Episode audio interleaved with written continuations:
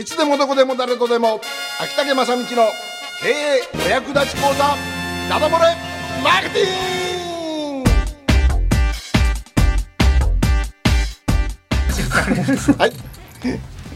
えー、教室の皆様、はい、授業が始まる時間でございます。はい、はい、はい、時刻の方は6時を回りました。はい、えー、この時間はですね、えー、秋竹正道の、えー、だだだ漏れマーケティングということで、はい、えー、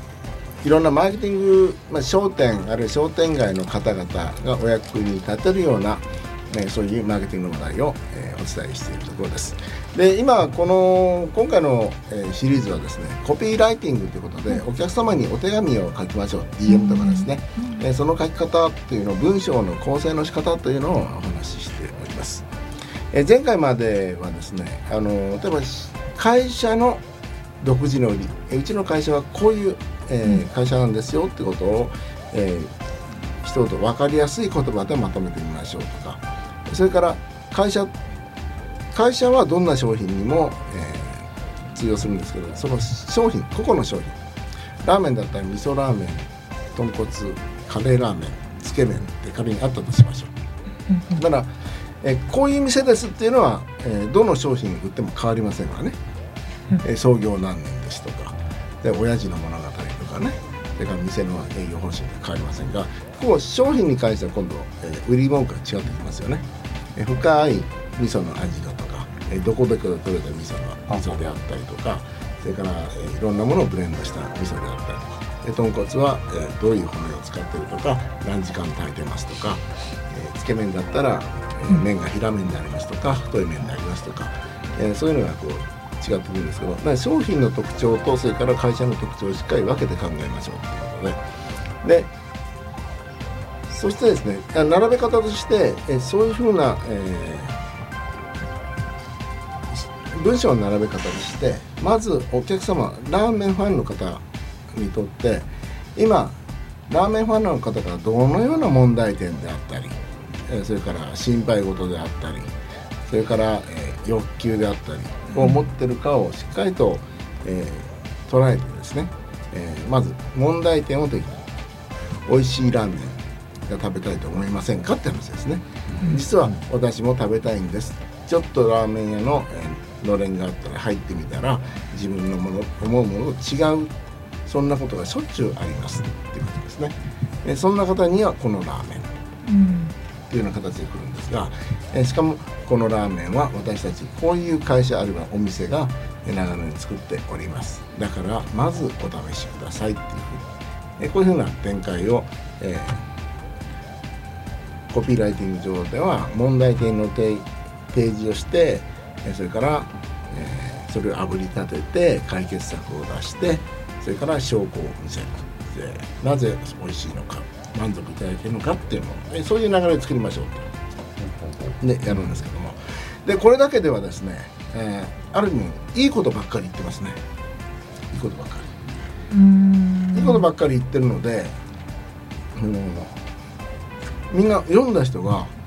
あこの順番で読んだの確かにそうだなといきます、うん。ところがあんまりいいことばっかり言ってると書いてることと違うじゃんってことなんですね。がよくありますね。看ありますね。よくあります。看板に偽りありっていう。でその後にですね必ず持ってこなきゃいけない言葉があるんです。えこれをですねお客様に絞り込みっていうんですがお客様を絞り込むんです。で今 10,、えー、10人のお客様が例えば、えー、前に前10人の方にお手紙出すとしましょう。だから今は10人の方に来てちょうだい来てちょうだいなんだけどえそれではそのもしかしたら店の個性に合わない人が来てしまうかもしれない。それはクレームになりますよね、だからその10人のうち2人ぐらいに絞り込むようなえそういう言葉を持ってきます。えそれはですねどういうことかと言いますとただしただしでもラーメンになりますね。ただし今まで、えー、豚骨を食べたことにない方にとってはとても、えー、匂いとかがきついかもしれません今まで札幌ラーメンばっかり食べた人にとってはね、もしかしたら匂いがきついかもしれません、えそれをやはりチャレンジャーだという気持ちでお食べいただける方はぜひお越しくださいみたいな。うん。2回と私はやっぱりやめとこうとかっていう人は来ないんですね。でも自分で意思決定していますから、私はと言われても私行くからって言って、でもし会わなくても文句言わないからって話になっちゃうんですよね。だから、えー、例えばこの、えー、講座をですね、えー、Facebook 上で秋竹正道とこういう講座がありますのでこれ経営に役立ちますよあなたの商売に絶対いいですよっていうふうな宣伝文句書いてで皆さんがラジオ聞いてみようかなと思います。ところが、えー、聞いたら私の業種では使えないとか、うん、会社の規模が違うじゃんとか、うんうんえー、そんなことになっちゃまずいんでまた秋竹さんだって滑舌悪いから何て言ってるか分からない。ことになっちゃまずいんで。で最後にですね、えー、秋竹正道が、えー、滑舌悪いですがダダ漏れでやっておりますので、うん、えー、それのその、えー、音質で、えー、うん、え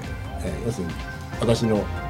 声の質でね許せる方は、うん、お聞きくださいとか、それとか、えー、これは年商3億円以下の方向けのものでございますから5億円の方が聞いても意味がないかもしれませんとか、えー、そういうのをきちんと書いてやることによって、うん、えー、絞り込みができてそうするとですね今まで、えー、誰でも来てくださいっていう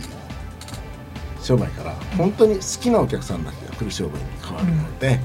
ー、非常にクレームが少ない。クレームが終わらない。また、えー、濃いファンのできる。要は的を絞るみたいな。そうですね。そうなんです、うん、だからターゲットを決めました。ので今回実はこのシリーズまだターゲットの話をしてないんですがどういうお客様を狙いますかっていう話をまだしてないんですけども、うん、あのターゲットは狭ければ狭いほどいいですね。うん。であのお手紙 DM とかですねチラシとかそれからはがきとか出しますね、えー、ぜひご来店くださいっていうまず既存客。でその時はどこまで絞るかというと,、えっとですね、もうラブレター状態ですね。例えば、えー、私がラーメン屋してるとしましょう。で4人様の、えー、上田さん、はい、それから大勝さん。上岡さん上岡さん。それから、えー、あの福屋さん。4名の既存客がいるとしますわね。私は誰に一番来てほしいかっていうのをまず決めます。その時福屋さんっていう私決めたとしましょう。そしたら手紙を書く前に、えー、服屋さんに対して書くラブレターなんだということを決めるわけです、うん、で手紙えー、ワープロでもいいんですが「えー、服屋様。こんにちは服屋様、えー、秋竹ラーメンの秋竹です」みたいな話でで福山、えー、それでずっと手紙を書いていくわけです、うん、で先日こんなお話を聞きました。えー、せっかく食べたラーメンが、えー、どうも美味しくなかったまあ、自分の口に合わなかった、えー福屋えー、福屋さんもそういうことご経験ありませんか？みたいな実はそういう声をよく聞くので私どもでこういうものを試作してみました。で今度メニュー出したいと思うのですが是非福屋さんのご意見をお伺いしたいのです。っていうふうに書いてますね。そして書き終わったらただしもし、えー、福屋さんが、えー、こういうラーメンを私には必要ないと思われるならば、えー、今回無理にとは申しませんって書いてで秋竹正道って書いてで作るんですがで最後に福屋さんの名前だけを消しゴムで消すんです。あうんだから福屋さん向けのラブレターじゃないですか。だけどここで、えー秋竹ラーメンのファンの皆様へと書いちゃうんです。だから本当にこうターゲットを絞り込むっていうのは一人の人の個人のお名前まで思い浮かべてその人の顔を思い浮かべて来てほしい人の顔を思い浮かべてそして書く。で最後に もうちょっと個人ではない 形に変えてあげる。とするとみんな私のことを言ってるんじゃないかなと思ってくれます。うんうんでも自分だけが来たと思わせるような、あそうなんです、これこの手紙私のこと言ってるよねって思ってもらわないと、えー、そのままゴミ箱に行きます。ですね。ですよね。という書き方を。なるほどね。だからフェイスブック私のフェイスブックでも結構角の立つ書き方してると思うんですよ。うん最初から友達申請にしてもね、あの私はお付き合い下手だからでコメントをしっかり返しない絡みしきりませんみたいなことを書いてるわけですね。書いてるしで自分からは申請しませんみたいなことを書いてる、それで向ければ来てくださいっていうことで来ていただければ、えーもう最初から相当絞り込んでますから。うん。であの引きつける系ですね。うん、そうそう。それであ投稿にしてもそうですよね。あのフェイスブックは交流のツールだとか言ってるけどそんなそんなのはどうでもいいんだ みたいなことを書きますけど商売なんて何ものもんだみたいな数が勝負だみたいなことを書きますけどうんそれも最初にそれを、えー秋田家とはそういうもんだっていうことを分かってくれてるそのターゲティングをしっかりしてその、えーファンの方々がいればこそ書けるんですよね。うんこれがいやそうじゃなくて秋田家とたまたまこう一緒になってるけどみたいな友達ばっかりだったら秋田家さん嫌いとかなってすぐ解除解除解除の話になっちゃうんで。ということなんですよね。先に、えーしっかりとターゲットを決める。でターゲットを決めるのは要するに絞り込みです。最後に、えー例えばニュースレあレターを書くときに最後に絞り込み、えーここで、えー本当にこれを申し込んでいいんですか？でこの文章のまま 買いに来ていいんですか？注文していいんですか？っていうことをもう一度考えてみてください。だからこういう方には向きませんって言った方がいいんです。うん。きっぱりと。きっぱりと。きっぱりと。うん、そしたらそう言われた人はどうしても欲しければそういうことをしないように努力しだすんです。あうんーねラーメンスープを残す人は来ない方がいいです。親父怒ります。って書いてあったら、うん。ここは全部飲まなきゃいけないんでしょ？って来るでしょ？なるーほどね。でそれが実はお客様うん。の言葉は非常に悪いですけどお客様教育ですね。うん。従業員教育っていう言葉があるようにお客様教育っていうのがあってあのこのニュースレターにあのあごめんなさい。あのセールスレターに限らずこの辺の商業施設に皆さん行って、えー感じることあると思うんですよ。ここのお客さんってすっごく上品じゃないとかなんかみんなゴミ捨てないよねとかうん。それとか、えー今あここにある八幡から小倉に店出したえー栗ちゃんラーメン。ああね、クリちゃんネームでし社名ダメですって話でしょ、うん。うん、あれはお客様教育が行き届いてるんですよね。お客様教育。うん。でその方が実は今度お客様同士がですね、えー例えばそこの例えばラーメン秋田県に行った時にここは非常に礼儀正しい。うん。で丼は自分であげなさいとか、うんうんそれで食べやった後はこれで布巾で拭きなさいとか、うんこういうお客様教育が仮にできたりするじゃないですか、うんそしたらお客様がお客様に教えるんですね。ああああここに来たらこれチャンスにせないけんけどって。うん言ってお客様がそのルールを教えていってやるってそういうお客様の分あの伝統うんができてくるわけです。でそこまで来ると本当にあのしっかりとしたこ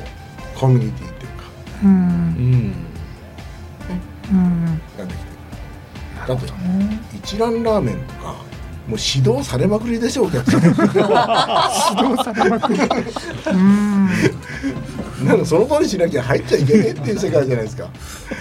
ね、中覗いちゃダメよっていうの食器はまず買いなさいって言ってそれ紙に書きなさいですからうん。ね箸袋に。うん。あのそういうのを実はお客様教育と言いましてそういうのも実はセールセーターとかもそういう要素があるのでうん。しっかりとお手紙を出していきおけば私はこういう店を目指してますって言えば好きなお客様はそれに沿ってやってくれるしん。また他にそういうのに沿ってないお客様がいらっしゃった時にさりげなくここはこうやった方がいいここはこういう店やけねってうん。お客様同士で注意し合ってくれる、うん。で初心者が、えーそうやって育っていくってう。いう、ん。ね、最後はねっぱラーメン屋っていうの。いい名言吐きましたからね、うんあのー車掌さんは、名言を。うん、名言ありますよ。私がラーメンしようとして、えやっぱ秋田さんラーメンは男が言われる最後の砦ですね。ほう最後の鳥で ああ。そういうこと言われましたね。重いもんがありますね。ラーメンは男が言われる最後の居場所みたいなね若干哀愁も漂いつつ。いやでもなんか聞いてたらなんか演奏にも通じるものありますね、私もやってて、うん。やっぱりこうじ本当に10人が10人に満足できるパフォーマンスってやっぱりなかなかできないわけですよね。でもっと喋ってほしいとかいや逆にもっと音楽聴かせてくれとかいろんなお客さんいらっしゃるわけですよね。だから私ちょっと喋り多いかもしれませんよみたいなね。だったらお客さんがあこんな演奏機器にこんなはずじゃなかったんだけどなとか逆に私の演奏にもう慣れてらっしゃる方があもういつものあの冬田さんのいつもの喋りを聞きたかったなみたいなねうんなんかいろんな方いらっしゃると思うんで私こういうスタイルでやってますけどもちを気に召せればみたいなところっていうのはそういうのをちょっと言ってあげるっていうのは親切かなみたいなそうですね、うん。あえそれが逆に自虐自虐的っていうのもねねあったりのこう色合いでやる場合もありますからね、うーん。まああのお客様にしっかりと絞り込みをすうるん。お客様に絞り込みをするっていうのは非常に反応率上げますからね。狭くしているようで実は反応率上げますうよね、ん。だから、えーやった方がいいかなと思います。ーなるほどですねうんということで、えー、秋竹正道のダダ漏れマーケティングでございました。